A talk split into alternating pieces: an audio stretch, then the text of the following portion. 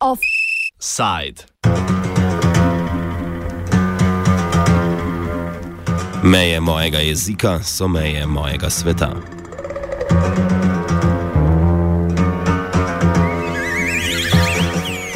Besede štejejo. In kako kaj poimenujemo, ima lahko pomembne politične posledice.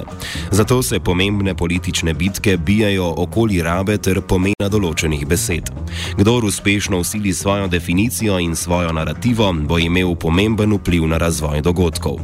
Ena takšnih besed je antisemitizem, ki se jo pogosto usmerja proti kritikom izraelske politike. Kako definicija antisemitizma ključno vpliva na govor o politični situaciji v Izraelu, ponazarjajo dogodki v Veliki Britaniji. Včeraj se je na britanskih univerzah pričel teden izraelskega apartheida, ki opozarja na okupacijo Palestine. Njegovo izvedbo vsako leto spremljajo obtožbe antisemitizma, letos pa so te vodile do prepovedi nekaterih dogodkov.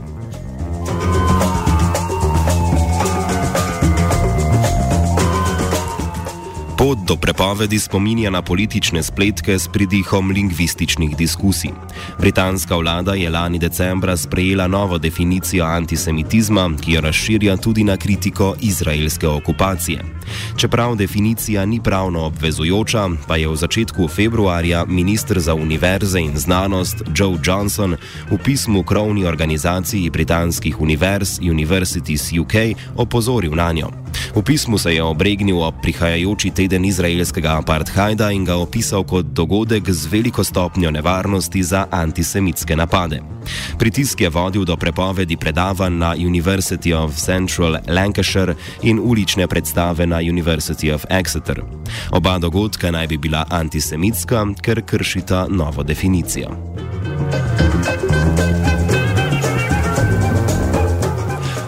Ta na neravno prikrit način enači kritiko Izraela z antisemitizmom. Primerjava dejanja izraelske vlade z nacizmom je v skladu z novo definicijo antisemitska. Trditi, da je nastanek Izraela rasističen in da je Izrael kot tak rasističen, pomeni biti antisemit. Te in druge obtožbe močno omejujejo debato o izraelski politiki. Zato je več kot 200 akademikov v ponedeljek objavilo javno pismo, v katerem opozarjajo, da definicija omejuje svobodo govora. Prvo podpisani je Jonathan Rosenhead z British Committee for the Universities of Palestine.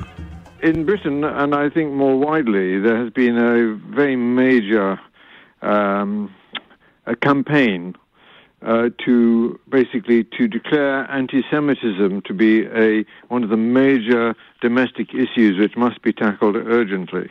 Now, I am Jewish. I'm also an academic, but I'm a Jewish academic, and I take anti-Semitism quite seriously. My one whole side of my family was wiped out in, in the Holocaust. Um, but the, this campaign is not by people who are worried about hatred of Jews. This is a campaign carried out uh, in good part by people who wish to erect a shield to protect Israel from criticism.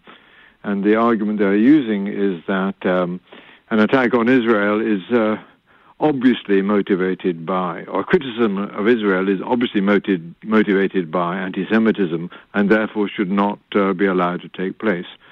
And uh, there is a campaign to get uh, a definition of anti Semitism accepted uh, across the world, uh, which gives as examples of speech and writing which is uh, probably or potentially anti-Semitic, uh, to give examples that uh, are all f- that many of which focus on the, the state of Israel. Definicija ima zanimivo zgodovino, ki sega v leto 2004, pojasnjuje Rosenhead. The, there has been an attempt to uh, voice this definition on the world for going on now since 2004. Uh, it was then it was then drafted by a little working party, which was loosely connected to a, a European Union um, committee. Um, it's called it was then called the EUMC. Don't, don't worry what the initial stands for. EU is Europe. EUMC, Working Definition of Anti-Semitism. It was never adopted by the committee that set up the Working Party, and the successor committee, you know, that, that committee was more was molded into another one, and that major committee has now completely removed even the definition from its website and has dissociated itself from it. But it kept having a uh, um, uh, kept coming back to life. People were trying to persuade uh, states in the United States or the, the United States to want to officially adopt it. The British government is the first one to have fallen for this. Um, it's uh, it's basically the same definition now. It's called the IHRA definition, which stands for the International Holocaust Remembrance Alliance, and that's an, a non-governmental body um, which adopted this in May and gives it a veneer of international respectability. Raba antisemitizma za omejevanje debate je del širše zunanje politične strategije Izraela. Ta temelji na prikazovanju države kot demokratične in moderne, ter na zakrivanju militarizacije ali okupacije Palestine. Kako se obtožbe antisemitizma prepletajo z drugimi diskurzivnimi politikami Izraela, opisuje Robert Wintmute z King's College London. Personally, I don't use the word anti-Semitism because I think it doesn't it uh, doesn't clarify what you're talking about. We're talking about anti-Jewish prejudice, uh, hostility, etc.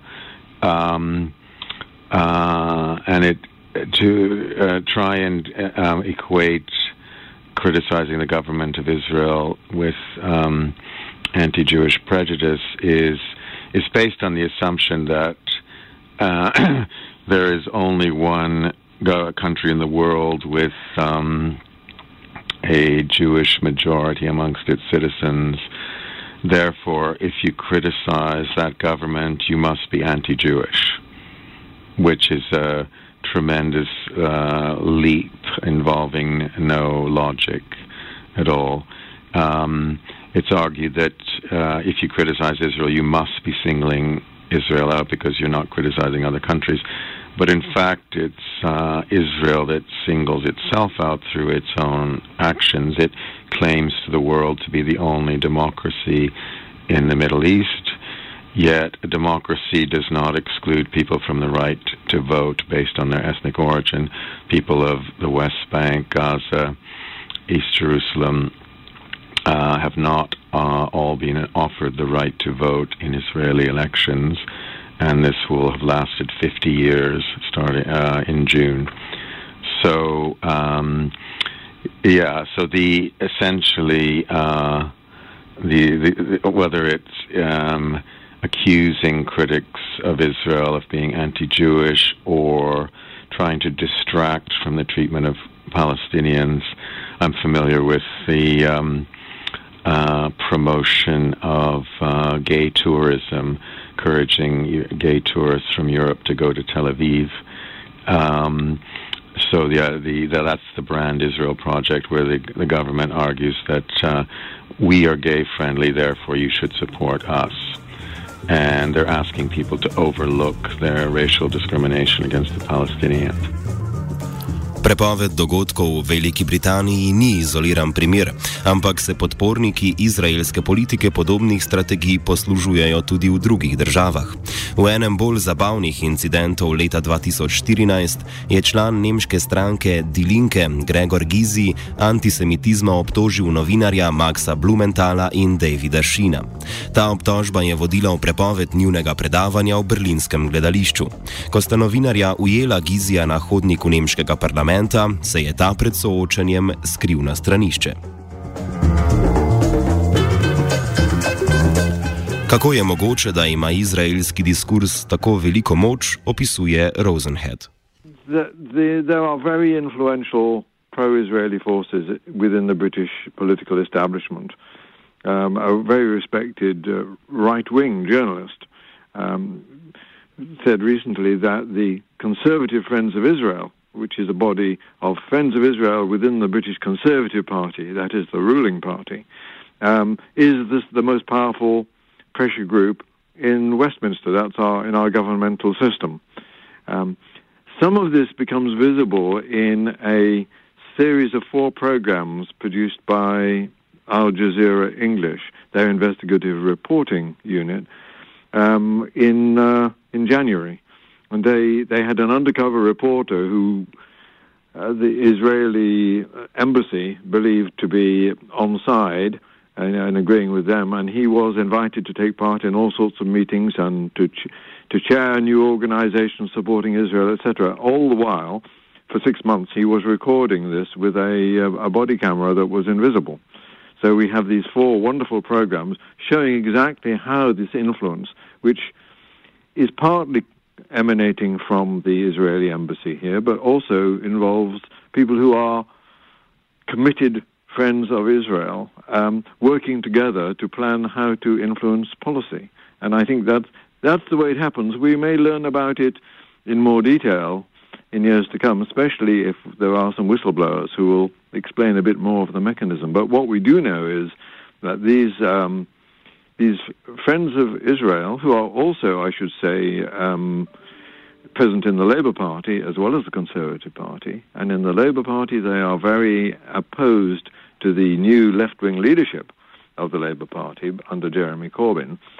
Corbyn is the first major party leader, uh, certainly in, in Britain, uh, who is a supporter of the Palestinian cause. So we have right wing Labour people, many people in the Conservative Party, um, various other factions, and the Israeli embassy all working together. They don't need to conspire. Indeed, if I were to say that was a conspiracy, according to the definition, I would be uh, guilty of anti-Semitism because that's one of the what we call the tropes. One of the things people say about Jews is there's a conspiracy. Obtožbe antisemitizma pa niso problematične le zaradi preprečevanja kritike Izraela, ampak tudi zaradi okvirjanja debate o okupaciji Palestine. Govor o antisemitizmu preprečuje politično debato o dejstvih in jo seli na etnično in kulturno področje. Tako vodi v dojemanje konflikta kot verskega in ne kot političnega. Druga težava pa je kontraproduktivnost zlorabe etikete antisemitizem, saj otežuje naslavljanje resničnih antisemitskih incidentov. Takole logiko opiše Windmute. Isn't it an Aesop fable about the shepherd boy who cried wolf when there wasn't a wolf? Um, it's always risky to make claims that are false because when you really ha- when you have real anti-Jewish uh, prejudice, you, people may not believe you if you uh, uh, have been making false claims in the past. So I think it's uh, in that sense it's it's it's counterproductive. Um, so I think it's um, I think those who want to defend the government of Israel should provide concrete arguments as to why its actions are justifiable, rather than essentially attack the um, the good faith of the the critics of uh, government of Israel and accuse them of anti-Jewish prejudice. Rojstni dan je ob delanju offsajda preživel Klemen.